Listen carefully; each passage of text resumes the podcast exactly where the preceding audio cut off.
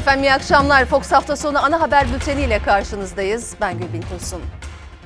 İdlib'de gerginlik artıyor. Türkiye sınırına sevkiyat yapmaya başladı. Günlerdir gündemin en önemli maddelerinden biri olan Kızılay'a bağış tartışması, koronavirüsünden kaçan Türk vatandaşlarının yurda doğru yolculuğu ve Avrasya Tüneli'ne yapılan %56'lık zam bültenimizin önemli başlıkları arasında olacak. Ama önce Trump'ın sözde barış planına artan tepkilerle başlıyoruz.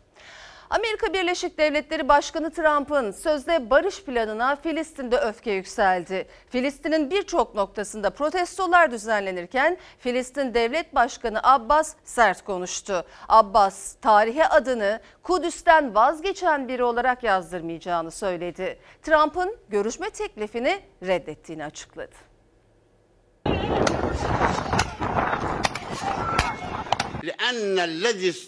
Trump'ın yüzyılın anlaşması planını reddediyorum. Tarihe Kudüs'ü satan veya vazgeçen biri olarak geçmeyeceğim. Filistin lideri Mahmut Abbas, Trump'ın sözde barış planına destek veren Arap ülkelerinin bakanlarının yüzüne söyledi bu sözleri.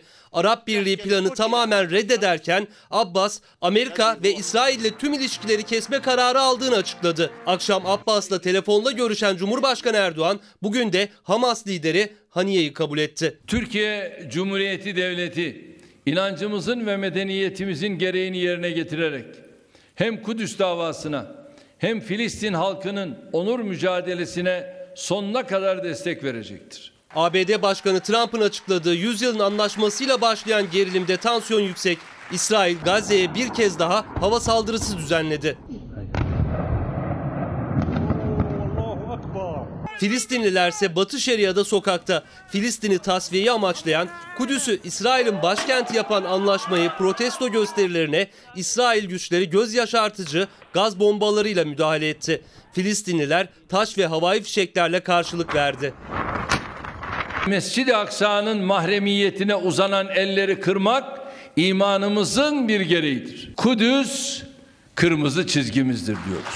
Cumhurbaşkanı Erdoğan dün Filistin Devlet Başkanı Mahmut Abbas'la telefonla görüştü.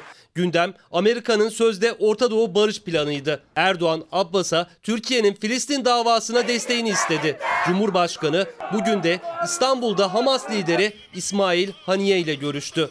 Görüşme yaklaşık 1 saat 15 dakika sürdü.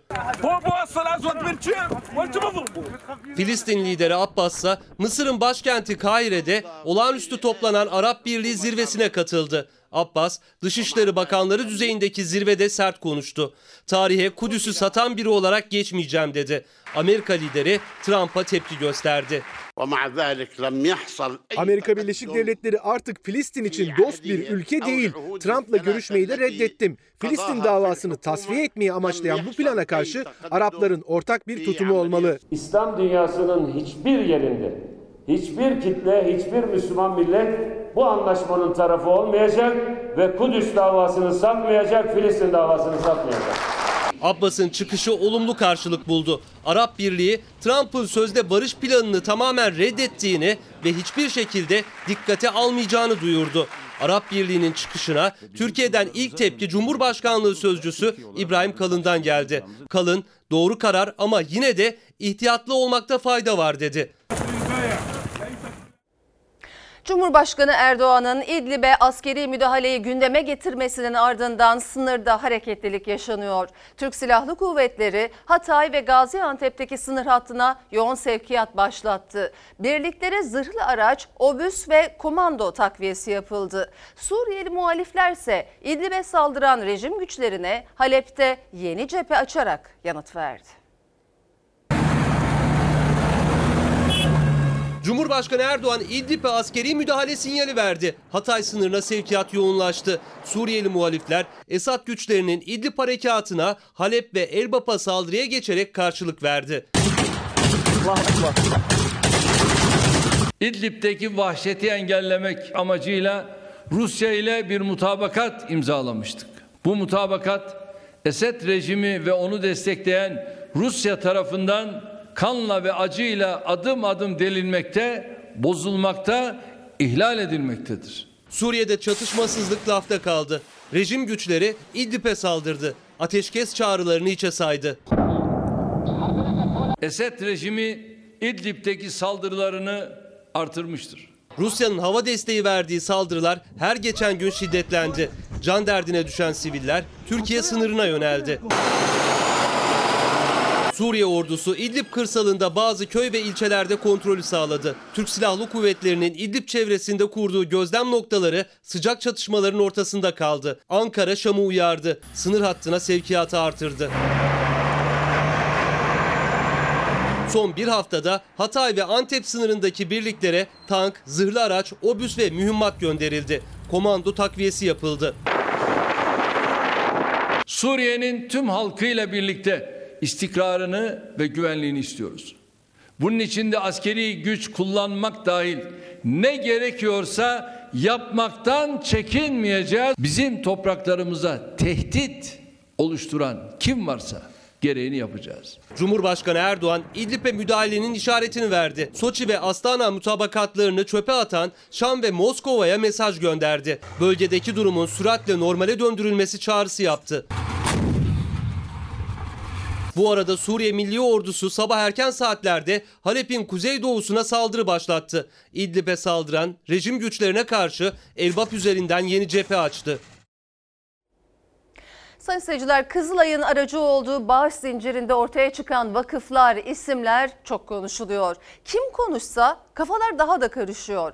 Bu kez Kızılay'a bağışı yapan Başkent Gaz'ın sahibi Mehmet Torun konuştu. Ama sözleri yeni soruları da beraberinde getirdi. Bağışı neden doğrudan Ensar Vakfı'na değil de Kızılay üzerinden yaptığınız sorusuna verdiği yanıtsa yeni bir polemiği başlattı. Devlet size yasal olarak bir imtiyaz vermiş. Vergi kaçırmak başkadır. Vergiden kaçınmak başkadır. Vergiden kaçınmadım. Ensar Vakfı'na giden bağışın şerefiyesi Kızılay'ın olsun istedik. Madem yanlıştı, Kızılay kabul etmeseydi. Kızılay Başkanı Kınık vergiden kaçındığı için bize bağış yaptı dediği Başkent Gaz'ın sahibi Mehmet Torun vergi avantajı iddialarını reddetti. Vergiden kaçınmadım dedi.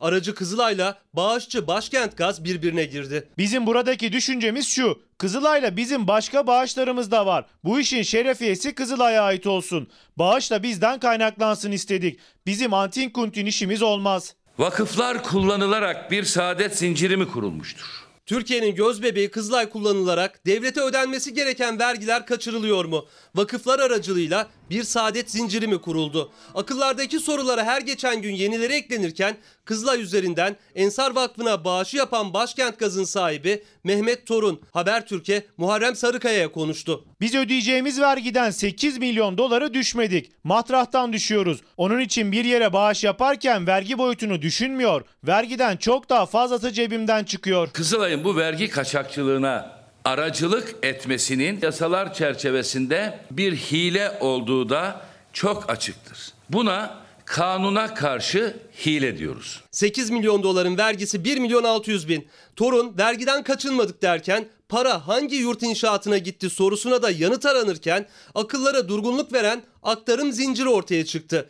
Başkent Kazım Kızılay'a, Kızılay'ın Ensar Vakfı'na, Ensar Vakfı'nın da parayı Türkan Vakfı'na aktardı. Neden bu zincir kuruldu sorusuna Mehmet Torun bizim muhatabımız Ensar Vakfı dedi. Ensar Vakfı ile olan ilişkiyi onlarla Türken Vakfı ile konuşmanız lazım. Ben onlara girmem. Benim yaptığım bağışta Türken diye bir ifade geçmiyor. Siyasi iradenin kendini finanse ettirme şeklinin siyaseti zehirlediğini düşünüyoruz biz. Ensar Vakfı kendisine aktarılan 8 milyon dolarlık bağışın zincirin son halkası Amerika'daki Türken Vakfı'na gittiğini, vakfın da New York Manhattan'da yurt inşaatı yaptığını açıklamıştı. Torun, bağışın sınırları aşıp okyanus ötesine Amerika'daki yurt yapımına gittiğini bilmediğini söyledi. Türgev'e 31 ev almışsınız. Neden doğrudan yardım yapmadığınız sorusunu ise havada bıraktı. Uygun görmüyorum. Buna cevap vermeyeceğim. Kızılay'ın aracı olduğu bağış zincirinde kim konuşsa kafalar daha da karıştı. Yeni yanıtlar yeni soruları getirdi. En çok da yanıtı olmayan soruları.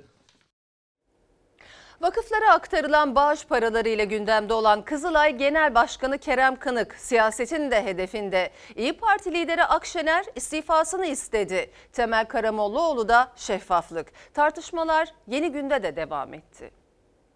Tanıp istifa etmesi gerekirken o onu yapacak gibi görünmüyor. Ama e, iktidar partisinin bunun üzerinde gereğini yapması lazım. Yani çekil kenara denmesi lazım. Kızılay'da suistimaller var. Bu tip yaklaşımlar giderek artıyor. Doğru değil. Kızılay üzerinden Ensar Vakfı'na aktarılan 7 milyon 925 bin dolar ve Kızılay Başkanı'nın itirafı. Tepkilerin odağındaki isim Kerem Kınık için Akşener ya istifa etsin ya da gereği yapılsın dedi. İktidar sessiz. Vergi kaçırmak başkadır, vergiden kaçınmak başkadır. Ortaya çıkanlar, konuşulan konular korkunç, ciddiyetten uzak, alay eder gibi kişinin derhal görevden alınması gerekiyor. Vergi kaçınmak veya vergi kaçırmak yani tabirler değişse bile netice değişmiyor. Kızılay'la ilgili sıcak tartışmanın fitilini zihinlere kazınan açıklamasıyla ateşlemişti Kızılay Başkanı.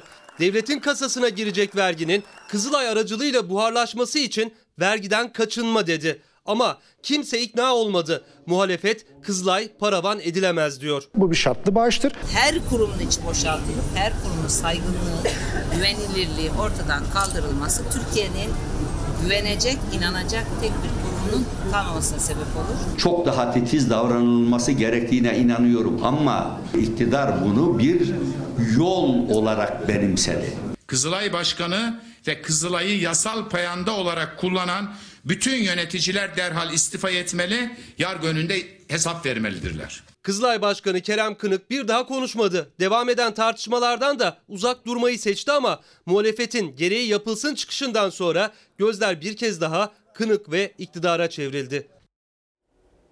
CHP lideri Kılıçdaroğlu deprem vergilerini soruyor ısrarla. Cumhurbaşkanı Erdoğan bir gün önce bölge isimleriyle rakamlarla yanıt vermişti ama Kılıçdaroğlu'nu ikna edemedi. CHP lideri kalem kalem vergiler nereye harcandı diye sormaya devam etti. Öğrenmek hakkımız dedi. Dedim ki ya bu vergiler ne oldu? Yine en ağır hakaretlerle karşı karşıya kaldık. CHP'nin başkanı bu tarih cahilidir. Düzce depreminde, bir Kocaeli, Sakarya depreminde, Bolu'da neler olmuş, neler bitmiş bilmez. Bu vergiyi sadece ben ödemiyorum. Sadece siz de ödemiyorsunuz. Nereye harcanıyor bunu da bilmek bizim hakkımız. Ben vergimi ödüyorsam devleti yönetenlere de soracağım arkadaş bu vergiyi nereye harcadın? Vay Kemal sen kiminle cirit attığının farkında değilsin. Ve bu işi de öğrenemeyeceksin. Kılıçdaroğlu'nun deprem için toplanan vergiler nereye harcandı sorusu. Cumhurbaşkanının o soruya öfkesi. Elazığ depreminden sonra iki isim arasındaki gerilimi yüksek başlık deprem vergileri. Kılıçdaroğlu o soruyu bu kez depremin merkez üssünden Elazığ'dan sordu. Ben doğruları söylemezsem kendi vatandaşıma saygısızlık etmiş olurum. Ben şu soruyu soruyorum. Can kaybı var, mal kaybı var. Peki hangi önlemi alıyoruz? Utanmadan soruyor. Deprem için topladığınız paraları nereye harcadınız? Şimdi sorun Van depreminden haberin var mı diye inanın yoktur. 20 katrilyona yakın para harcadık. Deniyor ki oraya 20 katrilyon lira para harcadık. Ne zaman? 644 kişi öldükten sonra. Soru şu. Neden 644 kişi ölmeden önce yapmadınız? Cumhurbaşkanının Van örneğine Kılıçdaroğlu kriz yönetmek başka, önlem almak başka dedi. Japonya örneğini verdi. Japonya'ya bakalım. Bizden daha yüksek depremler oluyor orada. Ama bir kişinin burnu bile kanamıyor. Niçin? Binalarını ona göre yapıyorlar. Yine kıyamet koptu. Yine kızdılar. Suyu yoktu, suyu Van'ın. Devlet su işlerini seferber ettik. Zaten göreve geldiğimizden bu yana 27 katrilyonu buldu son rakamla. Nereye harcadınız diyor. Git yerinde gör neler yaptığımız. Binaları yaptınız doğru. 20 milyar lira harcadınız doğru. Ama hepsini sattınız. Depremzedeler bunları satın aldılar. Cumhurbaşkanı vergilerin depreme harcandığını söylüyor. Kılıçdaroğlu kalem kalem açıklanmasını CHP lideri iki gündür deprem bölgesinde. Yeni günde de depremzedelerle buluştu. Dertlerini dinledi. Yardımların muhtarlar eliyle dağıtılmasını istedi. Muhtarların da isteği vardı. 600 milletvekilleri birer aylığını bağış yaparak katkısını bekliyorum. Deprem bölgesini ziyaret eden CHP lideri Kılıçdaroğlu depremzedelerin kendisine ilettikleri bir talebi dile getirdi. Elazığ deprem bölgesi ilan edilsin talebini. Önce İçişleri Bakanı Soylu, sonra MHP lideri Bahçeli teklife kapıyı sert kapattı. Bahçeli, CHP hangi teklif getirirse getirsin destek vermemiz mümkün değil dedi afet bölgesi ilan edilsin diye bir tartışma var. Elazığ'ın afet bölgesi ilan edilmesiyle ilgili bir teklif var. Bu teklifi biz verdik. Siz derseniz ki hayır bu teklifi siz vermeyin. AK Parti olarak biz vereceğiz. Hay hay siz verin. Biz teklifimizi çekeriz. Şunu söyleyeyim bizim kanunumuzda afet bölgesi diye bir kanun yok. Kılıçdaroğlu 6,8 ile sarsılan Elazığ'ın afet bölgesi ilan edilmesini istedi. Teklifi AK Parti getirirse de biz destekleriz dedi ama İçişleri Bakanı Soylu kapıyı sert kapattı. Cumhur ortağı Bahçeli de öyle. CHP hangi teklif getirirse getirsin destek vermemiz mümkün değil. Afet bölgesi ilan edilsin demek siyasi bir yaklaşım oluyor. Sayın Erdoğan'a Elazığlıların acısını paylaşan bakın hiçbir siyasi şeyim yok. 82 milyon vatandaş adına sesleniyorum. CHP lideri Elazığ ve Malatya'da depremzedeleri dinledi. Talepleri not aldı. Önce Elazığ'da dile getirdi afet teklifini ardından Malatya'da. Kış şartlarında eğer afet bölgesi ilan edilirse sanıyorum e, sorunlar çok daha hızlı çözülecek ve yaralar da sarılacaktır. Ama önce İçişleri Bakanı karşı çıktı. Sonra da MHP lideri Devlet Bahçeli. İktidar eğer hayır biz muhalefetin taleplerini kabul etmiyoruz diyorlarsa kendileri talepte bulunsunlar biz destek verelim. Afet bölgesi diye bir bölge ilan edile, edile- edilebilir demek hem olmayan bir şeyi e, vatandaşımıza sunmak olur ki doğru değildir. İçişleri Bakanı Soylu, Elazığ afet bölgesi ilan etmeye gerek yok. Tedbirler alındı, yatırımlar yapılıyor dedi. Bahçeli ise teklif CHP'nin olduğu için peşinen geri çevirdiğini söyledi. Depremzedelerin Elazığ ve Malatya afet bölgesi ilan edilsin talepleri Cumhur İttifakı'na takıldı. Yıkıldı yıkılacak binalarda kentsel dönüşüm çıkmazına giren ev sahiplerinden isyan sesleri yükselmeye devam ediyor. Ellerinde riskli yapı raporu olmasına rağmen yüksek maliyet nedeniyle taşınamıyorlar. İstanbul'da belediyenin konut şirketi deprem riski altında olanlar için kampanya başlattı. Deprem çantalarını bile hazırladık böyle. Korkuyoruz biz burada oturmaya. Gözlerimiz ışıkta. Acaba ışık sağlanacak mı? Bina sakinleri durumun ne kadar ciddi olduğunu işte bu şekilde bize anlatmaya çalışıyorlar. Bulunduğumuz kat zemin katı. Bu katın üzerinde 7 kat daha var. Ve o katların her birinde de yaşam sürüyor. Yaklaşık 7 yıldır kentsel dönüşüm için çalınmadı kapı bırakmadılar ama bir adım atan çıkmadı. Rapor açık ve net. Çevre ve Şehircilik Bakanlığı ise Şubat sonuna kadar süre tanıdı yıkılmak üzere olan bu site için. Ancak ortada hala ne plan ne de proje var. Çıkacağız da nasıl çıkacağız? Nereye gideceğiz onu da bilmiyorum. Çıkacaksınız buraya ne, ne yapılacak? Hiç, hiçbir şey yok. Hiçbir proje yok. Hiçbir müteahhit yok. Hiç devlet yok. Hiçbir kurum yok. Riskli olduğu halde oturmaya devam etmek zorunda kaldık. Çünkü kiralar çok pahalı. Kentsel dönüşüm için 7 yıldır uğraşıyoruz. İstanbul'da kentsel dönüşüm çıkmazına giren bir yer daha bu kez Bağcılar'da. Ellerinde net olarak riskli bina tespit raporu var. Rapora göre bu alanda yaşamak tehlikeli ama çözüm yok. Çözüm olmadığı gibi işte burada oturan sakinlere de bir yol gösteren de yok. Şaşırmış durumdayız şu anda. Cumhurbaşkanımızdan, e, Çevre ve Şehircilik Bakanlığı'ndan bir de Büyükşehir Belediye'mizden destek bekliyoruz. Sürecin hızlanması için ortak adım bekliyor riskli binanın sakinleri. Çünkü bakanlığın bir ilçede yaptığı ortak dönüşüm projesi bir başka ilçede gerçekleşmiyor. Bazı ilçelerin planları hızla belediye meclisinde kabul edilirken bazı belediyelerin ise yıllardır rafta bekliyor. Çaresiz mağdurlarsa müteahhitlerle baş başa bırakılıyor. Biz zaten bir birlik de olamıyoruz. E, müteahhitler de fırsatçılık yapıyor. Müteahhitler de haklı. Yani sonuçta sermaye koyuyorlar, şey koyuyorlar. Müteahhit de para kazanacak. Uçuk rakamlar çıkarıyor. Yani bu işe devletin el atması lazım. Bir sürü şey duyuyoruz ki müteahhitler kaçmışlar, yerinde bırakmışlar. 8-10 senedir bitirememişler. İstanbul'da bizim tespitimiz çok ciddi bir yapı stoğu var. Bu yapı stoğunun büyük bir kısmı da dayanıklı yapı stoğu. Buralara taşınmasını öngörüyoruz. Bu çok hızlı bir dönüşüm olacak. Çünkü bugün bir inşaata ne kadar imkanlar olursa olsun teknik olarak 24 aydan önce tamamlama şansımız yok. Ama olası bir deprem her an olabilir. Peyzajı da gören güzel şık bir daire. İşte o yapı stoğundan 272 daireyi belediyeye bağlı şirketlerden Kiptaş riskli yapı sahipleri için satışa çıkardı. Silivri, Başakşehir, Çatalca, 5. Levent ve Zeytinburnu'nda. Alt ve orta gelire göre olan bu dairelerin fiyatı 185 bin liradan başlıyor. Kamu bankalarının faiz oranından da düşük olacak vade farkı. 3 Şubat'ta alınmaya başlanacak başvurular için tek şart riskli yapı raporu ve başka bir ev sahibi olmamak. Bankalarla işlem yaptırtmıyoruz vatandaşımız vatandaşımızı Kiptaş'a borçlandırıyoruz.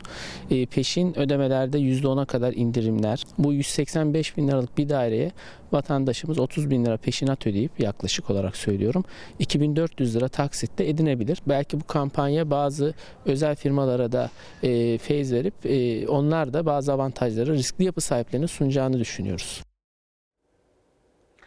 Cumhurbaşkanlığı İletişim Başkanı Fahrettin Altun, Kanal İstanbul projesine ilişkin bilgilendirici bir internet sitesi açtıklarını duyurdu. İstanbul Büyükşehir Belediye Başkanı Ekrem İmamoğlu ise projenin karşısında durmaya devam ediyor. Özellikle de depremden sonra Kanal İstanbul defterinin kapandığını söylüyor.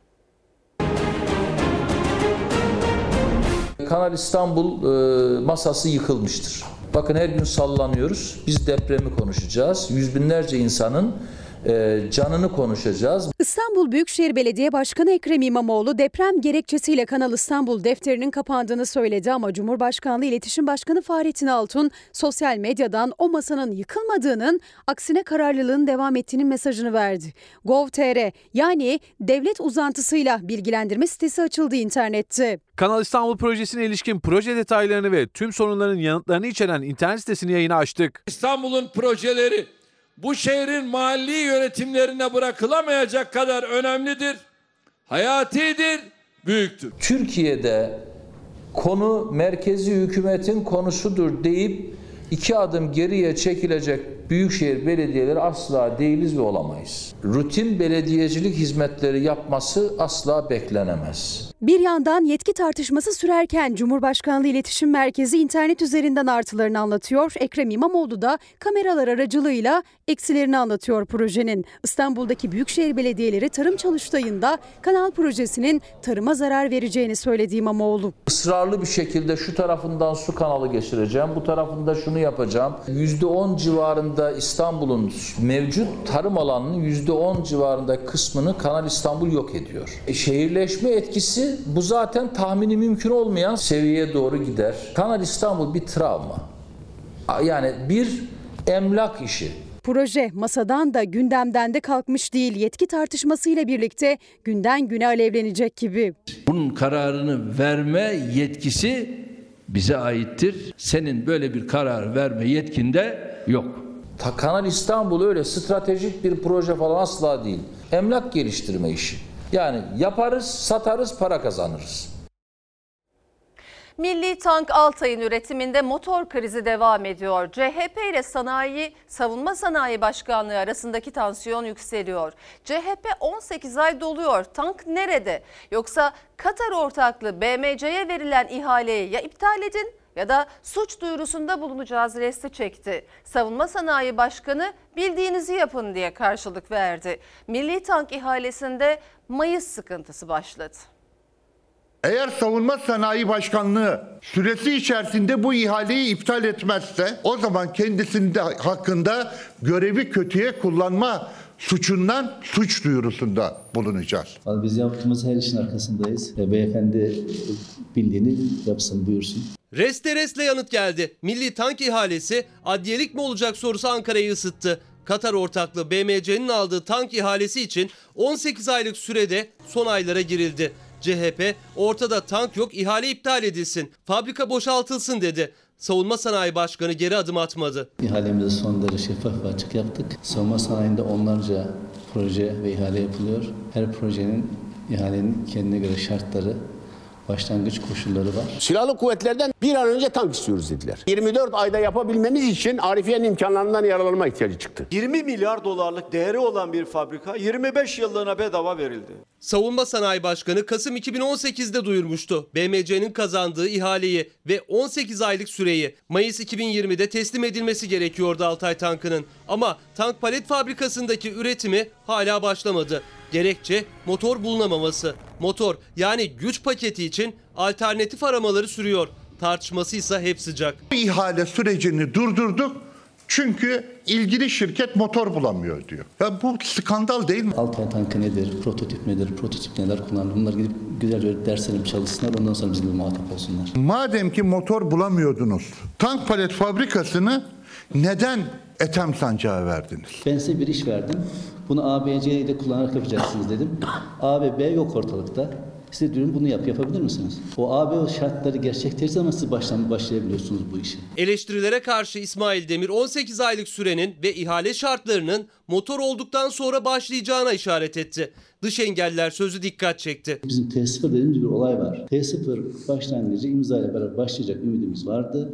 Ama önümüze çıkan engellerle ki bu dış engeller bu konuda spekülasyon yapan arkadaşların bu dış engelle ilgili hiçbir yorum yapmamaları da manidardır. BMC şirketinin tank palet fabrikasındaki menfaat süreci durmuyor, durdurulamıyor. CHP tank palet fabrikası polemiğinde sözünü sakınmıyor. İhalenin de takipçisi. Tartışmaların gölgesinde Altay tankı için üretim ne zaman başlayacak merak konusu. Çin'de ortaya çıkan ve 259 kişinin ölümüne neden olan koronavirüsü için acil durum ilan edilmesinin hemen ardından Sağlık Bakanlığı Çin'de yaşayan Türk vatandaşlarının tahliyesi için harekete geçti. Yolcular tam teşekküllü hastaneye dönüştürülen Türk Silahlı Kuvvetleri'ne ait dev kargo uçağıyla yurda dönüş yolunda. Yolcular 14 gün boyunca Ankara'da sadece kendileri için hazırlanan hastanede karantina altında tutulacak. 42 yolcumuz kontrol edildi. En ufak bir hastalık belirtisi olmadığını zaten böyle bir durum olsaydı onun uçuşuna da izin verilmeyecekti. Virüs tehlikesi altında mutsuz günler yaşadık. Bunun bu şekilde sonuçlanması yüzümüzü güldürdü. 32'si Türk toplam 42 yolcu yaşadığı mutluluğu anlattı. Sağlık Bakanı Fahrettin Kocaysa Çin'in Wuhan kentinde ortaya çıkan 259 kişinin hayatına mal olan ölümcül koronavirüsünden kaçmak isteyen yolcuların yurda dönüş yolunda olduğunu, paniğe gerek olmadığını. Havaalanına girişten itibaren sürekli e, bizim e, ateşimiz de ölçüldü. Özel tulumlu, gözlüklü ve maskeli sağlık personellerinin karşıladığı yolcular sağlık kontrollerinin ardından tahliye edildi ve sabah saatlerinde Wuhan Havalimanı'ndan hareket etti. Tam teşekküllü hastaneye dönüştürülen Türk Silahlı Kuvvetlerine ait dev kargo uçağı A400'le Moğolistan'da yakıt ikmalinin ardındansa tekrar havalandı. Koruyucu kıyafetlerini ve maskelerini takan yolcularımız tüm kurallara riayet ediyorlar. Aslında 50 idi Çin'den Türkiye'ye dönme talebinde bulunan yolcu sayısı 6 kişinin vazgeçtiğini de tüm transfer trafiğini de Bakan Koca anlattı. Toplam 62 kişi 17 ambulansımız ile hızlıca kendileri için hazırlanan hastaneye nakledilecek. Şehir hastanesine taşınmasıyla kapısına kilit vurulan Doktor Zekai Tahir Burak Hastanesi bu kez Çin'den getirilen yolcular için yeniden tam teşekküllü hastaneye dönüştürüldü. Yolcular uçaktan indikleri andan itibaren kimseyle temas ettirilmeden bu hastaneye nakledilecek. 3 günde bir her birinin tetkikleri alınacak. Yemek dahil tüm hizmetler tek kullanımlık malzemelerle verilecek ve tüm atıkları tıbbi atık olarak değerlendirilip özel poşetlerle atılacak. Hastanedeki doktor kadrosuysa az tutulmaya çalışılıyor. Yani uçakta yolculara refakat eden ekiple birlikte takip edilecek yolcular. Çin'den gelen vatandaşlarımızın hiçbiri hasta değil. Sağlık Bakanı 42 yolcuda virüsün olmadığının özellikle altını çizdi ama yolcular tam 14 gün boyunca bu hastanede karantina altında tutulacak. Nedeni ise virüsün tam 14 günlük kuluçka süresinin olması ve her bir yolcu tek kişilik özel odalarda gözlem altında olacak. Yani olası risklere karşı önlem alıyor Sağlık Bakanlığı. Yolcuları taşıyan kargo uçağının ise hava kuvvetlerine bağlı kimyasal, biyolojik, radyolojik, nükleer tehdit uzmanlarınca arındırılacağını duyurdu Milli Savunma Bakanlığı. Türkiye'ye seyahat kısıtlamasına gidilecek mi kararını ise Koronavirüs Bilim Kurulu verecek. İstanbul'un iki yakasını bir araya getiren Avrasya Tüneli'nin geçiş ücretine %56 zam geldi. Gidiş dönüş 73 liraya yükseldi. Bu fahiş zamma ne sürücüler ne de uzmanlar anlam verebildi. Avrasya Tüneli'ne %56 zam geldi. Büyük bir zam. Karşıya gidiyorum. Mecidiyeköy'üne, Beşiktaş'a. Tünelden geçebilecek misiniz? Ee, şu anda geçmem. Ne kur artışıyla izahı mümkün ne de verilen garantiyle, ücretle izahı mümkün. Zengin yolu diyoruz biz bunlara. Vakti az, parası çok olan insanların kullanımına açılmış özel yollar. Avrupa yakasıyla Anadolu yakasını birbirine bağlayan Avrasya Tüneli'ne %56 zam geldi. Bu oran dolar kurundaki artışın da enflasyonun da çok üzerinde. 23 lira 30 kuruşluk otomobil geçiş ücreti 36 lira 40 kuruşa yükseldi. Avrasya Tüneli'ne gelen zam zamla birlikte otomobiller için tek yön geçiş 36 lira 40 kuruş, minibüsler için ise 54 lira 70 kuruş oldu. Elbette o gidişin bir de dönüşü olacak. Çift yön düşünüldüğü zaman otomobiller 73 liraya, minibüsler ise 110 liraya dayandı. Bence bayağı külfetli. Avrasya Tüneli'ne zam her yıl Şubat ayının başında yapılıyor. Ocak ayındaki dolar kuruyla Amerika'daki enflasyon göz önünde bulunduruluyor. Dolar 2019'dan 2020'ye sadece %7 yükseldi. Ekonomi uzmanlarına göre bu şartlarda zammın %10'u geçmemesi gerekiyordu. Ne dolar bazındaki enflasyon artışı ne de Türkiye'deki kur artışıyla alakası yok. Buradaki zam %10'u geçmezdi normalde. %10'un üzerinde bir zam izahı yok. Türkiye'de enflasyon tek hane ama zamlar çift hane. 2019 yılının başında da seçim için geri sayılırken %38 zam gelmiş, sehven uygulandığı gerekçesiyle geri çekilmişti. Ancak o zam bile üstüne eklendiğinde %56 zamlı yeni tarife uzmanlara göre hala çok yüksek. Üstelik geçiş garantisi nedeniyle tüneli kullanmayanın cebinden de çıkmış oluyor parası. Ben uzun zamandır kullanmıyorum. ya. Neden? Biraz fiyatları yüksek geliyor. Geçişleri az olduğu için geçen araçların garantisi karşılamıyor. Eksiğini hazine üzerinden karşılıyor. Zengine yol yapıyorsunuz. Az sayıda araçla boş trafikte o yollar kullanılıyor. Eksik kalan tutarı da fakir vatandaşlar vergileriyle ödüyorlar. 15 Temmuz Şehitler Köprüsü ile Fatih Sultan Mehmet Köprüsü'nde geçiş gidiş dönüş 10 lira 50 kuruş. Avrasya Tüneli'nde ise 73 lira. Arada 62,5 lira fark var. İki kıta arasında geçiş yapmak zorunda olan hesabını yapıp ya geçecek ya da geçmeyecek tünelden. Köprülerle tünellerle ilgisi olmayansa verilen hazine garantisi yüzünden geçmediği tünelin parasını da ödemeye devam edecek. Kullanmaya devam edebilecek. Yok. Normal köprü, Boğaz Köprüsü veya Fatih Sultan Mehmet Köprüsü'nü kullanabilirim. Avrasya Tüneli'ne gelen %56 zam siyasetinde sıcak başlığı. Geçen yılda zam yapılmıştı ama yeni ücret tablosu sehven denilerek kaldırılmıştı. Ve tam bir yıl sonra o zam katlanarak geldi. Muhalefet sözleşme şartlarına aykırı diye ses yükseltti. Memura asgari ücretliye zam yaparken enflasyonu düşük gösterme hevesinde olan hükümetin Avrasya tünelindeki geçişe zam yaparken bu kadar cömertliği göz yaşartıcı. Bu zammın yapılması bana göre tamamen geçen vatandaşlardan karşılanmasıdır. Başka bir şeyle izah etmek mümkün değildir. Avrasya Tüneli'ne bir gecede gelen %56 zam sadece vatandaşın değil siyasetin de gündemindeydi. Muhalefet emekliye, memura, asgari ücretliye yapılan zam oranlarını hatırlattı. İktidarı hedef aldı. Meseleye ciddi cümle kurmakta bile zorlanır hale geldik.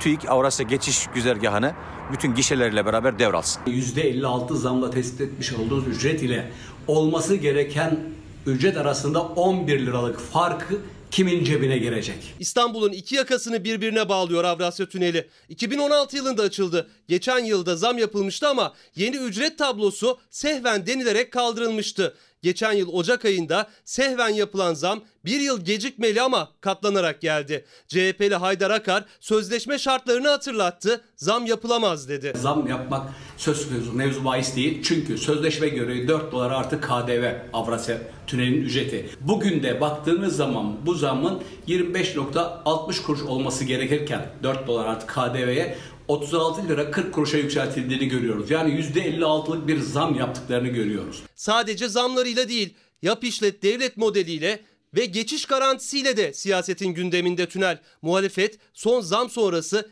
geçiş garantisine dikkat çekti. 70 bin günlük araç garantisi verdiler. Her yılın 2 Ocağı'nda 4 dolar artı KDV olarak ücreti belirlediler. Ama bu 4 dolar artı KDV'nin de üzerinde bir zam yapıldığını dolarla yapılan sözleşmeler artık yetmiyor. Doların güncel kuruyla da çarptığımızda bu rakamları elde etmemiz mümkün değil. Bu işleri biz söyleyince muhalefet ekonomiyi kötülüyor diye cevaplayan hükümetin bu geçişleri milletine izah etmesi lazım. Muhalefet sorularla rakamlarla yüklendi. İktidardan bir gecede gelen zam için açıklama istedi. AK Parti'nin üzerinde çalıştığı yerel yönetimler taslağında yol ve trafik katkı payı adı altında yeni bir verginin alınması gündemde. Uzmanlar bu payı verginin vergisi olarak tanımlıyor. Trafik ve yol katkı payı adı altında aslında verginin vergisi niteliğinde bir e, yavrumuz oluştu. E, motor taşıtlar vergisi üzerinden bir vergi daha alınacak. Yeni verginin adı yol ve trafik katkı payı olması planlanıyor. AK Parti'nin üzerinde çalıştığı yerel yönetim taslağına göre motorlu taşıtlar vergisinin %10'u kadar yol vergisi alınacak. Yani verginin vergisi. Katkı payı denmesi tabii ilginç bir olay. Verginin ismi de galiba biraz yumuşatılmak isteniyor. Çünkü vergi toplumsal yapıyı etkileyen hatta cebimizi direkt etkileyen en önemli faktörlerden bir tanesi. Fazla çalıştığımız mesaiden bile biz vergi ödüyoruz. Biz her türlü vergi mağduruyuz. Verginin vergisi bizi mahvetti yani. Henüz komisyona gelmedi ama yeni yerel yönetim taslağında belediye gelirlerinin artırılması için de maddeler var. Yol ve trafik katkı payı da onlardan biri. Yasalaşırsa 1500 lira motorlu taşıtlar vergisi ödeyenin cebinden 150 lira yol vergisi çıkacak. Ne kadar ödediğinizi hatırlıyor musunuz? İki vergiyi birden ödedim.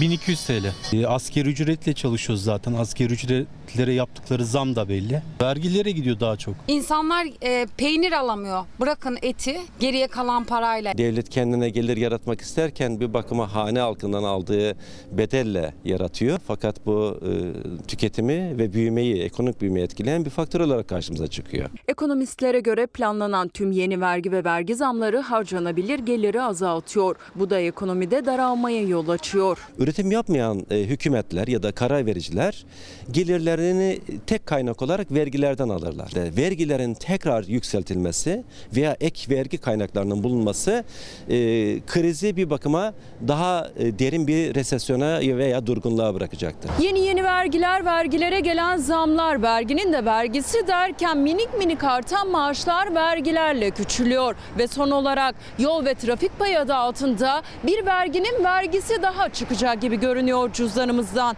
Geriye ne mi kalıyor? Hiçbir şey kalmıyor ki. Eksideyiz zaten. Biz hep eksideyiz yani. Kredili mevduat hesaplarına bakılsın genel olarak. Kredili mevduat hesaplarında ülkenin %90'ı eksidedir. 50 lirayla bir haftayı geçirmeye çalışıyoruz. Taslak hazırlık aşamasında onaylanıp yasalaşırsa aracı olan herkes bu payı ödeyecek. Para havuzda toplanacak. Nüfus ve yüz ölçümlerine göre belediyelere aktarılacak. Geriye hiçbir şey kalmıyor. Elde var sıfır. Allah herkese yardım etsin. Bu kış mevsimindeki sebze meyveler bile bir türlü ucuzlamadı. Tüketici her hafta acaba ucuzluk var mı umuduyla çıkıyor pazara ama üretimin en yoğun olduğu şehirlerden birinden Antalya'dan kötü haber var. Fiyatların düşmesi için en az 2 ay daha beklenmesi gerekiyor. Altın fiyatına domates. Ucuzlamayla hiç alakası yok yani. Sadece yükseliyor fiyatlar. Kış sezonu olduğundan bu fiyatlar denge unsuru olmaz. Mart'ın e, sonlarına doğru bu fiyatlar denge oturur. Tüketici aylardır çarşıda pazarda fiyatların düşmesini bekliyor. Çünkü mevsim sebze meyveleri de pahalı. Ancak fiyatların bir süre daha düşmeyeceğinin sinyali üretimin kalbi Antalya'dan geldi. Antalya Ziraat Odası Başkanı Nazif Alp ucuzluk için Mart ayı sonunu işaret etti. Çok pahalı. Şu anda daha sebzeye yeni girdim. 100 liraya çıkarım. Fiyatlar yüksek ama üretici de kazanamıyor aslında. Antalya'da domates 3 lira ile 5 lira arasında, İstanbul'da ise 5 lira ile 8 lira arasında. Sivri biber Antalya halinde 3 lira, İstanbul pazarında 20. Ürettiğimiz zepseyi hale götürüyoruz. Üçer arkadaş aktarıyor. Semt pazarına giriyor. Tabii onların da masrafı var. Yani 5 liraya satılan 15 lira bu çok. Çok yüksek 20 lira biberin kilosu 250 gram alabiliyoruz. 250 gram mı aldın? Evet bakın 250 gram işte görsünler. Ne yapacaksınız onunla? He ne yapayım sabah kahvaltısına bir tane bir tane yiyoruz hadi vitamin olsun diye. Antalya halinde patates 1,5 lira, kuru soğan ise 1 lira. İstanbul'da tezgaha gelene kadar fiyatları 5 lirayı buluyor. Tüketici kış boyunca fiyatların biraz ucuzlamasını bekledi ama İstanbul'da da fiyatlar düşmedi. Salatalığın kilosu 8 lira, domatesin kilosu 5 liradan başlıyor 8 liraya kadar çıkıyor. Karnabaharın kilosu 5 lira, pırasanın kilosu 4 lira, ıspanağın kilosu ise yine 5 lira. Fidanın tanesi 4 lira, 4,5 lira. Gübresini, ilacını, elektriğini, suyunu, emeğini, işçini koyduğun zaman şu anda bakın çiftçinin cebine kalan para 1 liraya kalır ya kalmaz. Üreticinin 50 kuruş karla sattığı meyveler pazar tezgahına gelene kadar kat kat artıyor. Nar, ayva, mandalina, portakal hepsinin tam mevsimi bu zamanda evlere bol bol alınması gerekiyor ama hepsinin fiyatı yüksek. Kiloları 5'er lira. Hele muzun yanına yaklaşmak daha zor. Onun pazarda fiyatı 8 liradan başlıyor 15 liraya kadar çıkıyor. Ancak üretici gibi pazarcı da fiyatlardan şikayetçi. Çünkü ona ulaşana kadar ürün gezdiği ellerde tüccar da aracı da halde zamlanıyor. Halkımız zannediyor ki biz mesela gidiyoruz 2 lira 3 lira alıp 10 lira 15 lira 30 lira satıyoruz. Kilosu 8 lira aldım. Yine Zonguldak, yine kaçak maden ocağı, yine göz göre göre ölüm. İki işçiye mezar olan maden ocağının 80 gün önce mühürlendiği ortaya çıktı. Neden denetim yapılmadı sorusuna yanıt vermesi gereken vali ise iş güvenliğini hatırlatmayı tercih etti ve bakın ne dedi. Ne diyelim geçmiş olsun. Allah benzerlerinden saklasın. Ee, Allah bize de e, biraz daha akıl fikir versin. Biraz daha bu iş güvenliği kurallarını dikkate alarak çalışmayı e, nasip etsin diyelim. Facia yine göz göre göre geldi. İki maden işçisinin ölümü kaza değil, iş cinayeti olarak geçti kayıtlara. Zonguldak valisi Erdoğan Bektaş'ın ağzından dökülen sözler tepkiye yol açtı. Çalışılmaması gereken bir ocak iken bu arkadaşlar burada çalışma e, niyetlenmişler. Zonguldak'ın Kilimli ilçesinde bulunan kaçak maden ocağı henüz 80 gün önce mühürlenmişti. Ancak sahibi kanunları hiçe saydı. Maden ocağını yeniden faaliyete geçirdi. Üç işçi madene inmek için harekete geçtiği sırada sepet kancasından boşaldı. Aşağı e, inmeye çalıştıkları aracın kancası çıkıyor ve o araç e, ocağı e, yıkarak aşağı iniyor. Ve üç kişiden birisi geri çıkıyor. Sabahattin Kalaycıoğlu ve Murat Ovaz madende mahsur kaldı. Kurtarma çalışmaları saatler sonra peş peşe gelen acı haberlerle son buldu. İki işçinin de cansız bedenine ulaşıldı. 47 yaşındaki Sabahattin Kalaycıoğlu'nun babasının da 20 yıl önce kaçak maden ocağında yaşamını yitirdiği ortaya çıktı. Allahu Ekber. Facia bölgenin kanayan yarası kaçak maden ocağı gerçeğini bir kez daha gündeme getirdi. Kaçak ocağın sahibi Olcay A gözaltına alındı. Maden ocağı ikinci kez mühürlendi. Sağın ruhsatı iptal edilmiş. Kaçak ocak gerçeği. Güvenliksiz ortamda arkadaşlarımız çalışıyor. Vali Erdoğan Bektaş maden faciasıyla ilgili bilgi verirken büyük bir gafa imza attı. Kaçak madenin neden tekrar açıldığı, neden denetim yapılmadığı sorularının yanıtı aranırken vali iş güvenliğini hatırlattı. Allah akıl fikir versin dedi. Daha önceden ruhsatlı izinli çalışılan bir yermiş. Sonra kapatılmış. Daha sonra kaçak çalışma yapıldığı için tekrar mühürlenmiş. Allah bize de e, biraz daha akıl fikir versin. Biraz daha bu iş güvenliği kurallarını dikkate alarak çalışmayı e, nasip etsin diyelim. Ne diyelim? Sayın seyirciler çocuklarına aşı yaptırmayan ailelerin sayısı katlanıyor. Doktorlar ölümcül hastalıklardan koruyan o aşıların yalnızca aşıyı reddeden aileleri değil genel toplum sağlığını ilgilendirdiğinin altını çiziyor. Nereden yapıldı aşı? Buradan. Acıdı mı? Acıdı. Bütün aşılarını yaptırdınız mı çocukların? Tabii ki yaptırdık.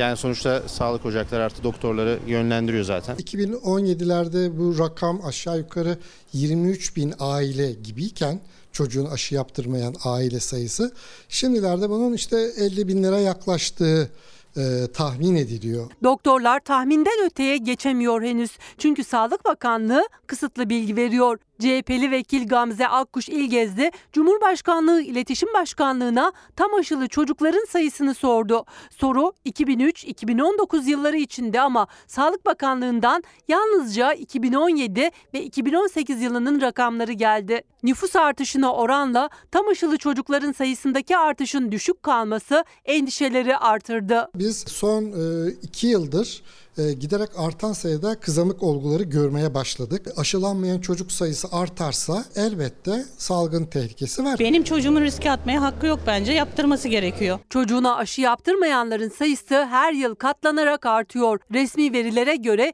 2011 yılında aşı reddi 183 çocukla sınırlıyken 2018'de 23 bine yükseldi.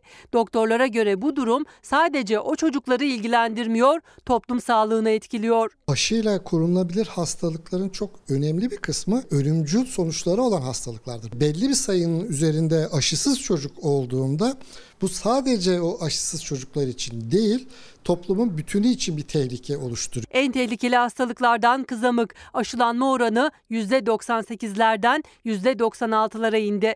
Kritik sınır %95. Yani oran %95'in altına düştüğünde aşılı çocukların sağlığı da risk altına giriyor. Birkaç yıl önce kızamık vakaları sıfıra kadar düşmüştü. Profesör Doktor Haluk Çokuraş aşı kampanyalarıyla yıllar boyunca Türkiye'nin önemli bir yol kat ettiğini açıkladı. 30 yıl önceki asistanlık yıllarındaki vakalarla bugünkü vakaları karşılaştırdı. Yeniden o günlere dönülmesinden duyduğu endişeyi anlattı. Yağmur gibi çocuk felçli çocuk yatırırdık. Kızamıklı, difterili, yeni doğan tetanozlu çocuk yatırırdık. Aşı karşıtlığı artarsa o zaman maalesef bu unutmaya yüz tuttuğumuz hastalıklar tekrardan hortlayacak.